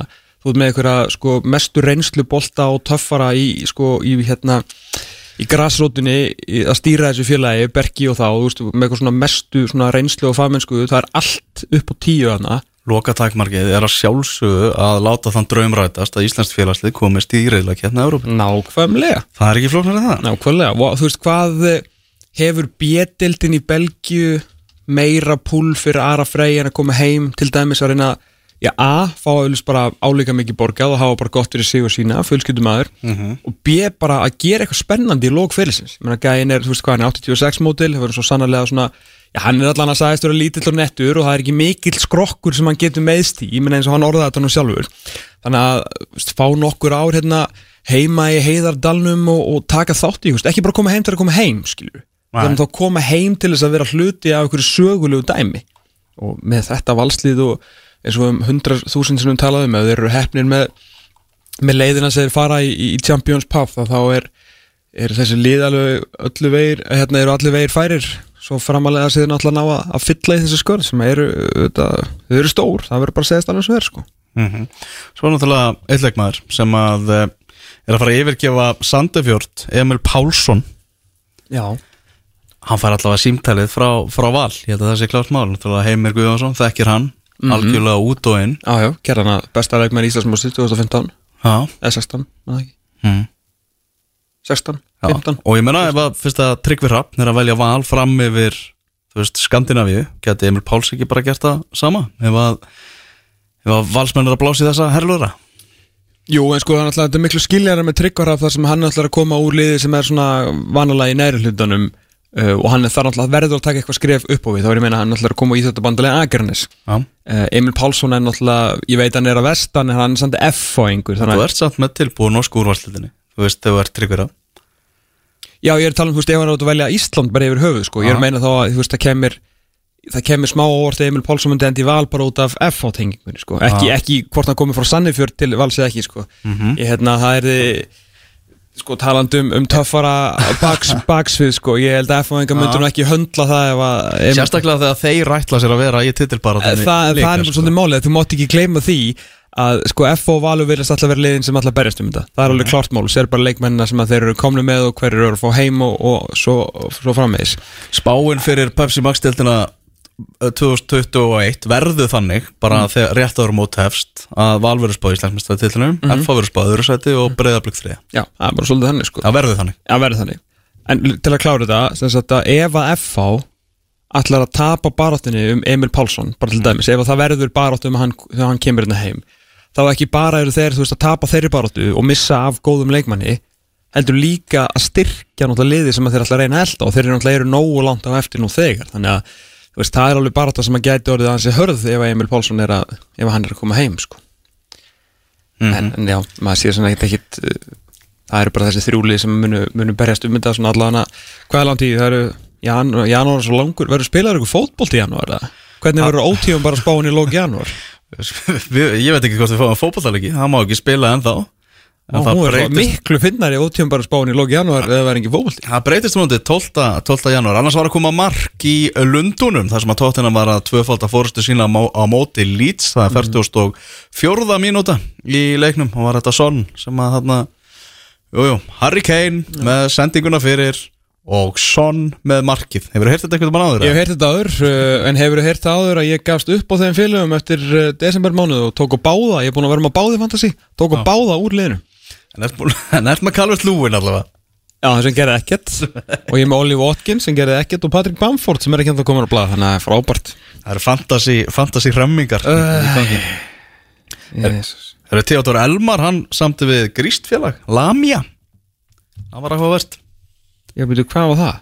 Hann, hann yfirgaf Tyrkland og, og hjælt til Greiklands Lamia sem er í límtaðna í botnsæti grísku úrvarsleitarinnar er ekki anþá búin að vinna leik en vonast þess að, Theodor Elmar sé að fara aðstóða eitthvað við það. Það voru eitthvað, eitthvað skipti í þessu. Já, ég er bara geggjað hann bara haldi áfram að fá, samninga og bara fara til Greiklands ég er ekki mikið meira um það að segja sko. Nei, spurning hvort, hversu lengi hann verður hérna og, og náttúrulega búið að vera í no, nokkuð tíma sem er búið að orða hann við heimkomi og heimkomi í káver Já, hann er ekki er hann gæði sem fyrir eitthvað annað liða Nei, ég held ekki. Það Ég, verður ég bara, bara káeringar hleypunum ekki í annað lið. Nei, þú veist, það verður bara sapnað á, á göttum úti og, og eins og við hefum margóft sagt það er miklu auðveldur að fá hérna að sapna fyrir leikmanni heldur en að sapna fyrir skuldum sko, þannig að það verður alveg hægt að græja það, verður þá Theodor Elmar og Guðlu Viktor báður í káir þá eru kannski konum með fjóraðliðið aftur í titilbarðuna Já, kannski var ég of, of fljótur á mér að spá þessum þremur hérna Nei, nei, þú er ekkit, ekkit þú fljótur að Nei. þú ert bara með við það sem sér í dag sko, þú ert ekki völvuspá Nei, nei. Herru, svona aftur hérna í, Nei, nei, náða að verjast þessu. 2-0 fyrir eh, Tottenham á móti Leeds sem við höldum áfram með þáttinn eftir smástund. Við erum bara ekki að ráða við þessi skyndisóknar lið eins og Manchester United og Tottenham. Eigum ekki fucking break segir Máni hérna á, á Twitter. Tottenham 2-0 yfir á móti, móti Leeds í hálfleik í ennsku úrvastendinni og uh, það eru pyrraðir Leedsarar að, vera 2-0 undir í þessum leik.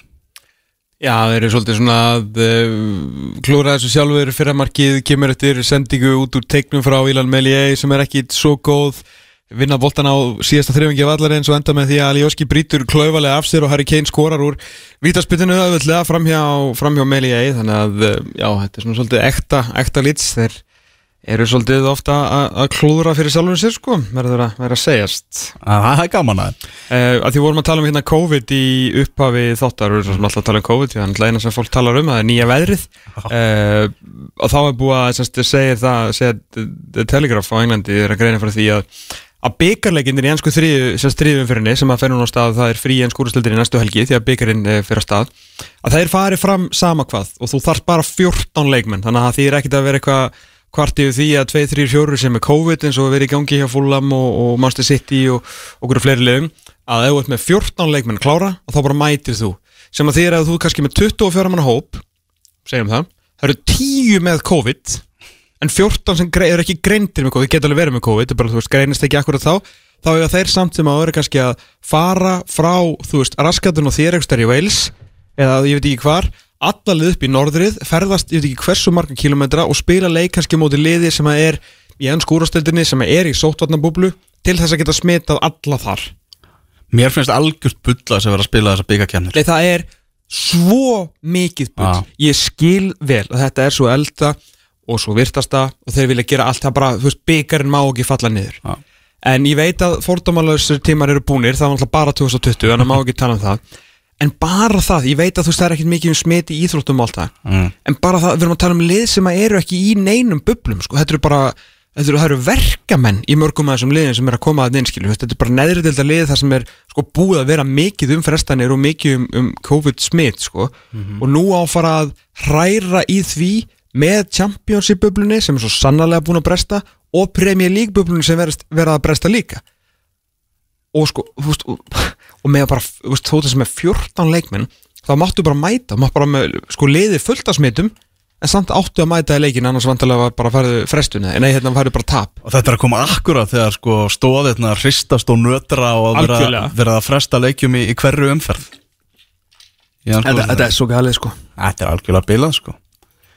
Þannig að Manchester United fekk víti í gær og er búið að fá, taka núna 19 víti. Uh, ef við tökum síðasta tímabil og svo byrjunna á þessu tímabili eru efstir í, töflunni.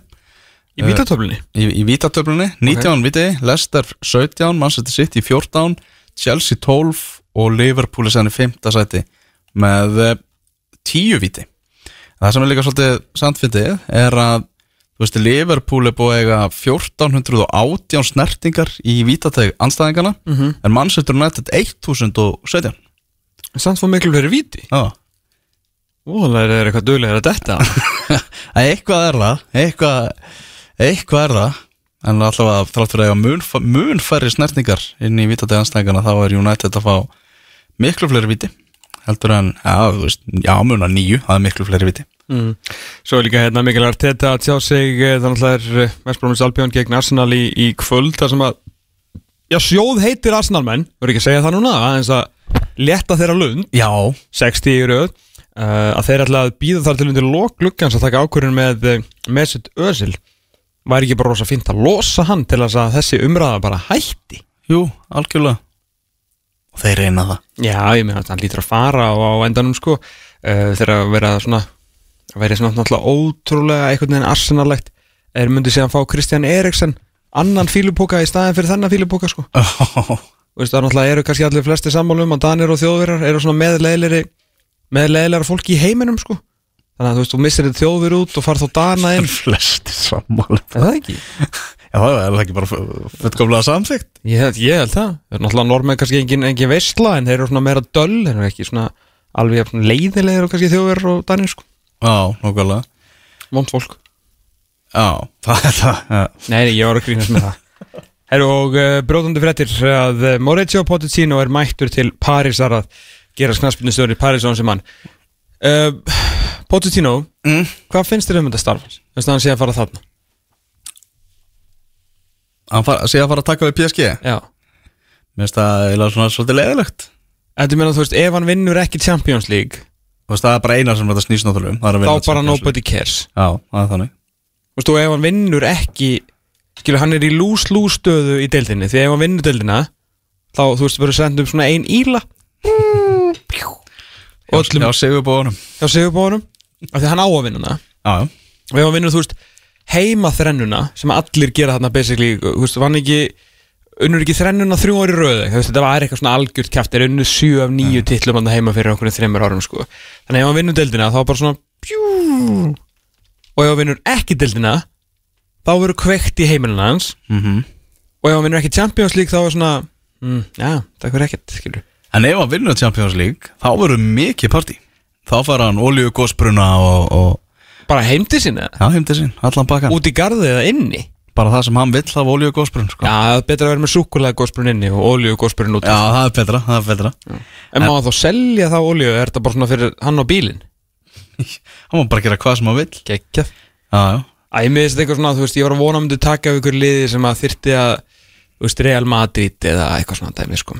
Þetta svona, þetta Paris Saint-Germain apparat, sko, er svo óspennandi, sko, þegar fötin er meira spennandi heldur en fótboltaliði, þá ertu á hverju skrítinni vegferð, sko.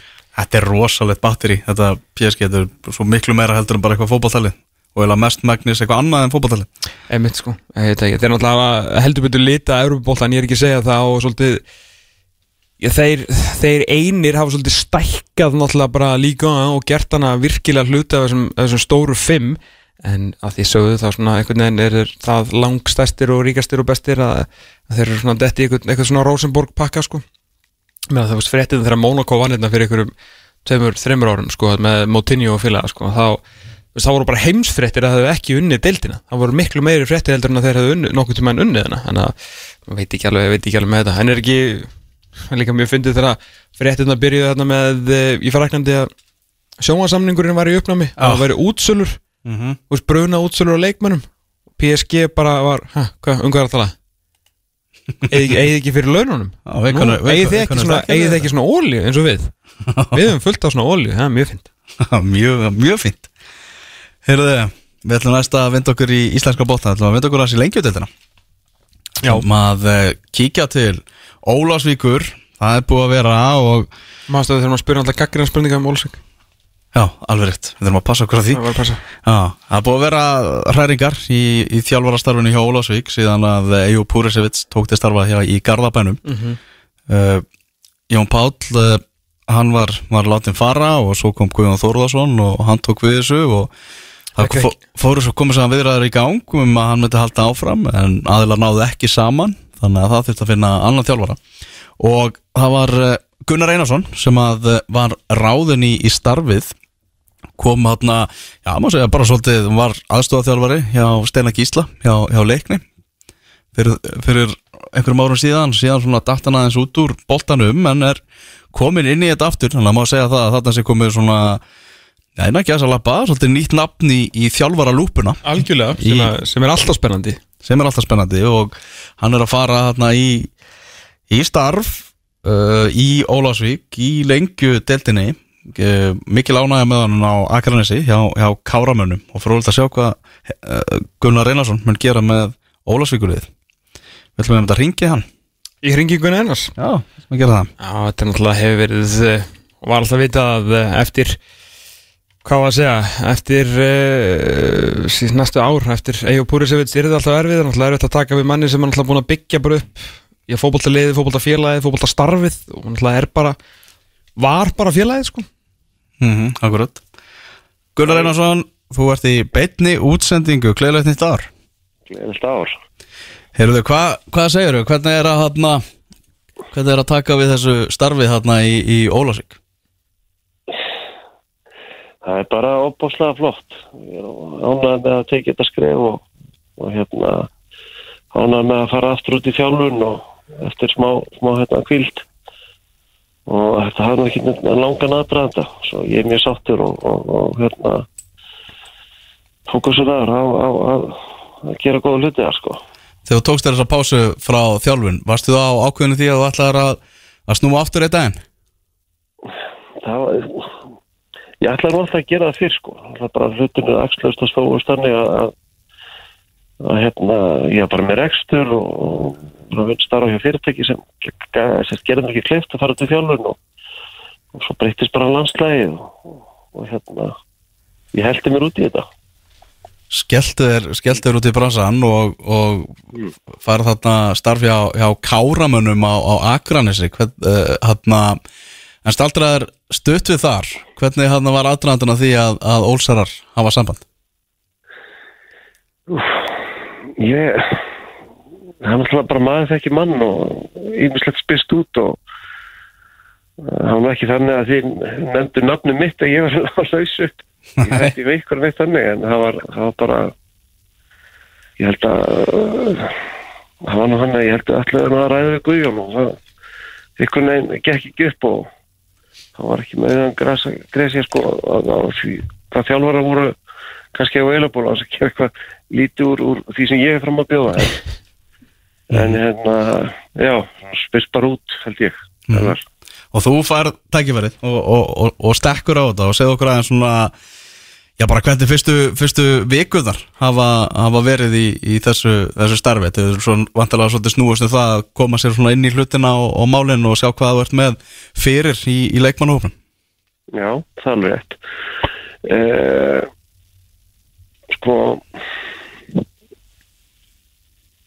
mér fyrstu kynni náttúrulega, þetta er aldrei frátrið öðru þjálfur sem starfa heitt í bæðum og, og þú þessi fylgist með fókbalta síðustu sömara áttuði sig á því og sáum það að, að, að klálega frávik í, í, í, í hérna, stöðuleika Víking Ólafsvík sem hafa sínt síðan tíu ár í bild og ég ætla bara að segja það var pínu sundrungur í, í hvernig liði spilaði mm. og, og stöðlegi eh, en hvað um það? Eh, ég er náttúrulega ekki að ekki og flytt hérna í vor, flytt hérna í april og verða aðra hverja helgi. Og er með aðstofþjálfara sem er með þá leikmenn í Jónasvík og við erum núna bara að fara yfir stöðuna hvaða leikmenn við viljum fá inn í, inn í hérna eh, hvernig við viljum aðkynna okkur og hvernig við viljum að prestera okkar fókbalta í sömur eh, við erum að fara yfir leikmannumarkaðin og það er náttúrulega hægt og hefur sínt sig það í gegnum áruna að nærðöldu lið, það fyrstu dildin og öndildin, þriðdildin hefur að leita mikið út á við erlenda leikmann mm -hmm. oft verið sagt að það er þetta að fá íslenska leikmann en, en uh, það er mikið um að íslenskum leikmannum, frambærlegum kandidatum sem eru alveg líklegir eh, sem bara fá ekki tækifærin. Margir eru hjá bestildarlegunum sem, sem raunni er að spila með öðruflokki og, og sitja hjá í mesturlokki ykkur þetta er í gegn og fá tækifæri og er fáur fá tækifærin. Svo þannig efnið er eins og sannaldi staðar hérna í Íslandi og og hérna, ég horfi fyrst og fremst á innlenda markaðin því ég, ég tel að farselt þá fyrir svona liðis og Viking Ólasík að, að sína fram á það að, að Viking Ólasík getur bóðið upp á ákveðu umhverfi sem er sérstað mm -hmm. og því leitinu til að þetta geta leiknu komið og, og þroskast ungi leiknu komið og bara þroskast og, og huga á fókbalta og eftir því svona dag og, og hérna og orðið betur leikmenn fyrir vikið. Mm -hmm.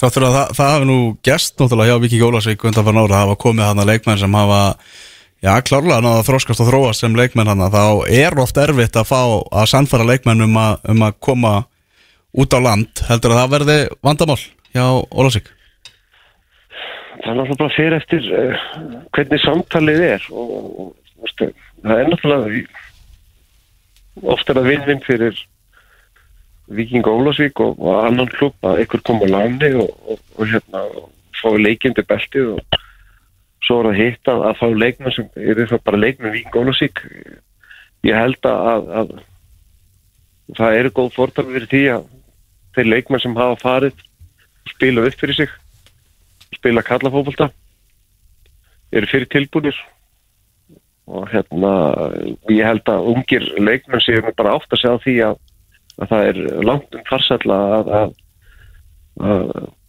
stíga inn í svona umhverfi þar sem, jú, kannski óþægilegt að fara út á land, droskandi enga síður, gefandi og eftir að heikja uh, góðu kostur að, að fara út á land og, og, og spila stíga skriði inn í mistralsfólkvölda og, og fá þessi tækifæri og og hérna að fróa sinn leikstil fyrr en, en heldur en ella að því veist, en að koma inn í sínu heimaliði frá tæki fyrir 2021 það, það er bara það er í- heldur seint sko. Mm Akkurat. Þannig að hvernig fótbolta vill Vikingur Ólasvík spila að vilt þú sjá liðið spila undir þinni stjórn næsta sumar?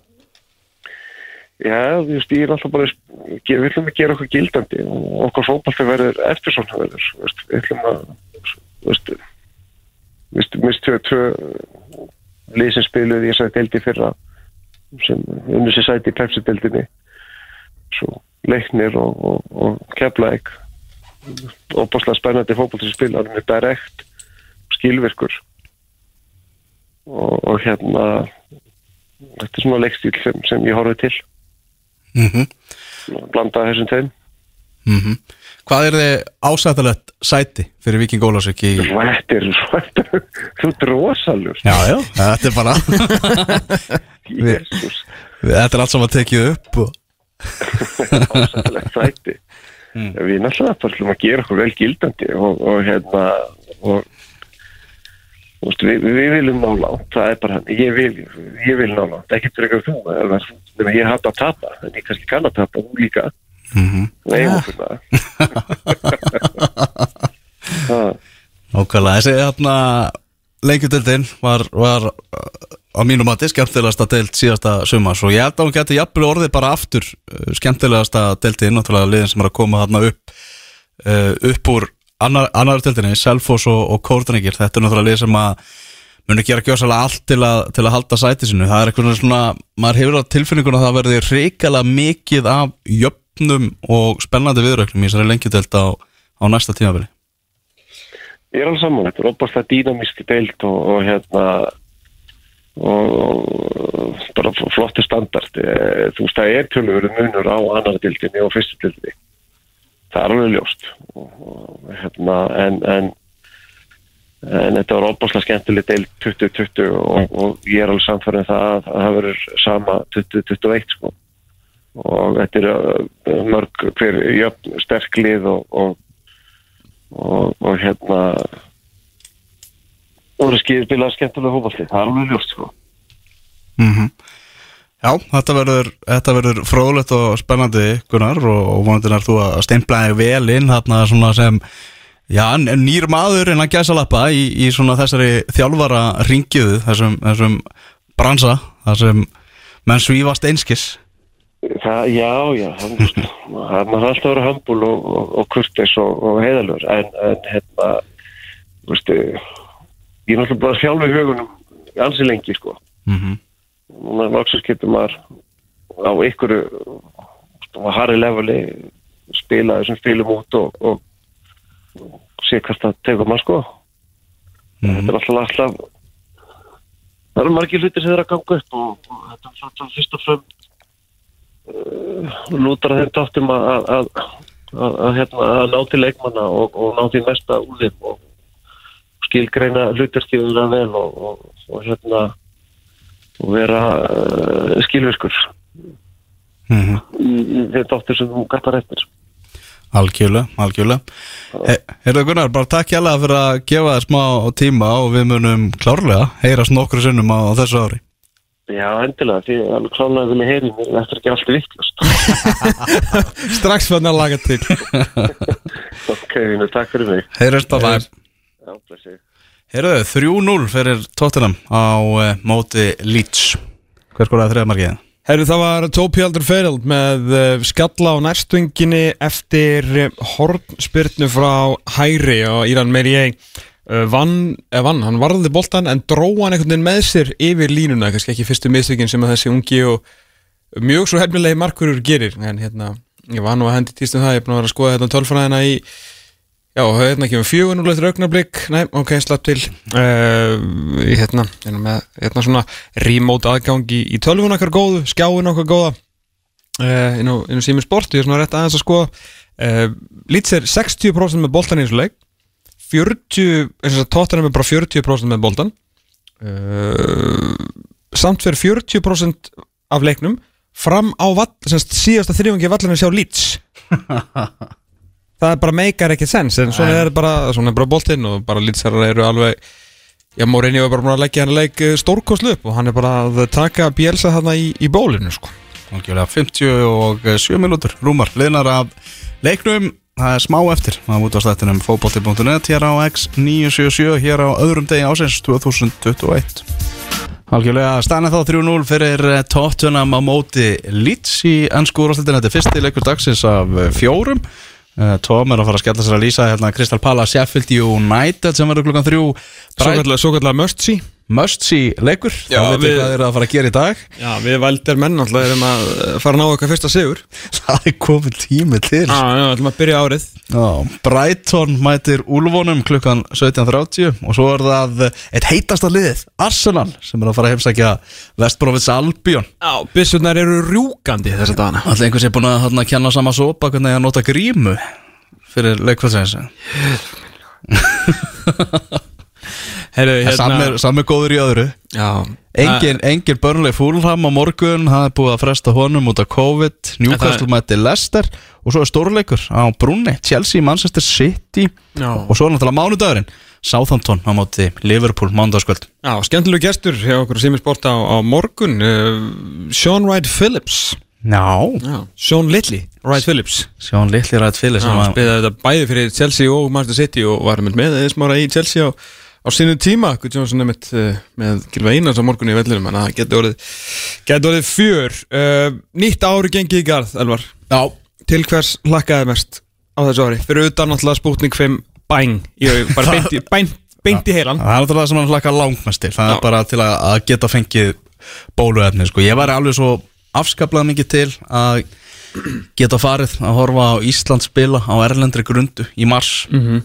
En með við það að við erum að fá hérna einn pakka á dag eða þú veist á, á viku í handfarangri eða eitthvað senda Eitt kannski, gæði með þetta í rassvarsanum já, þá er maður kannski ekki allt og bjart sýtt við erum náttúrulega að fara í þrjá útileggi í undakefna HM í mars undir Sko, ég, get- ég get lofað þér hér og nú að Já. þú verður ekki komið með bóluefni fyrir lókmass sko, En, ég, ég bara að spá í sko hvort að uh, það verður búin til þannig bubla að einhverju blaðamenn sem vilja fara geta farið já, Það er eina pælingi mín sko já, það væri, væri mjög gott sko já.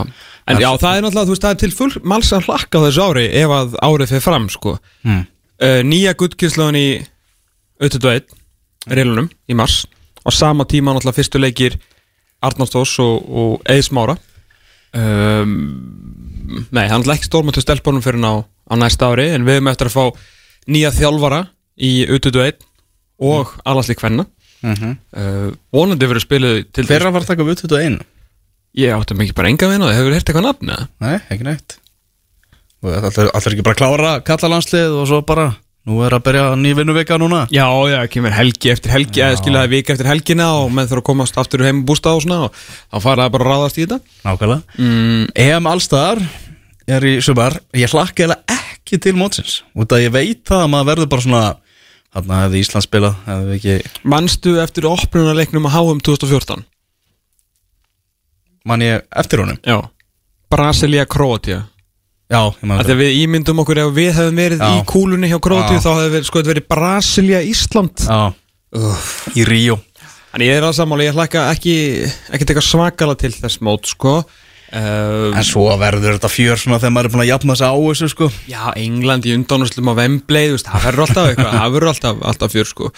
Uh, Pepsi Max-deldin, uh, hún fyrir alltaf fram. Þið er alltaf hlakka til að sjá þína menni annars inn á þinni lífsliði í efstu deild. Já, það verður virkilega gaman. Það verður virkilega gaman. Uh, Ég vonast þetta eftir því að, að vinna kannski, kannski fjóra fótballleiki þessu ári. Já, Mm. bæting.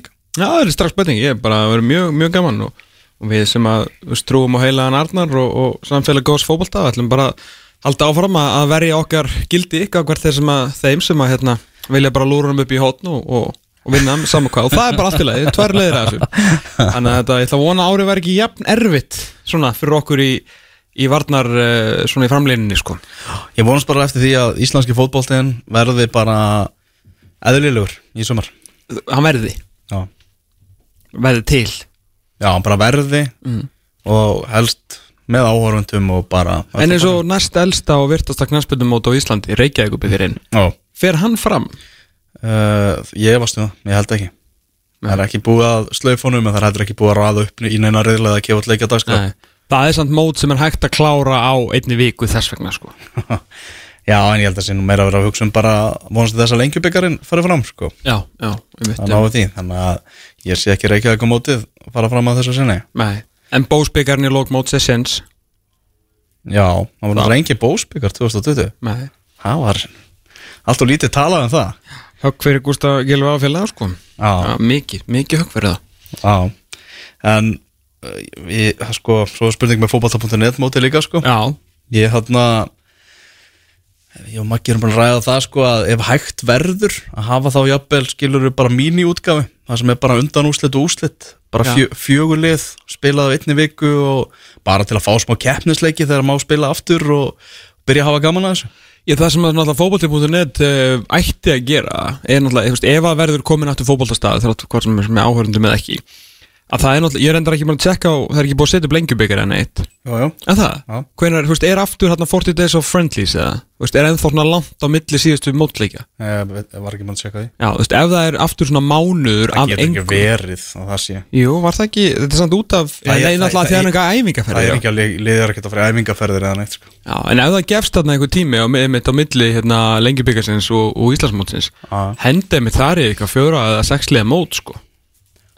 að það þarna í eða Það er vonast til þess að það verði eitthvað léttingar tólta en hvort það með verið að byrja að spila það kemur, það kemur allt saman í ljós. Já, það verður aldrei spilað fótbolti hérna í þeim afléttingum en það getur kannski verið svona aðeins meira æfingar og, og fleiri, fleiri deildir sko. En mér finnst mjög tæft að er Jú, jú, af hverju ekki, ef þið eru að fara að létt næsta stig í afléttunum hlýtur þá að vera að megi spila. Já, þú veist, ef að það má ekki þá er allavega handboltinn og körfuboltinn bara ná stöð á dæmt sko.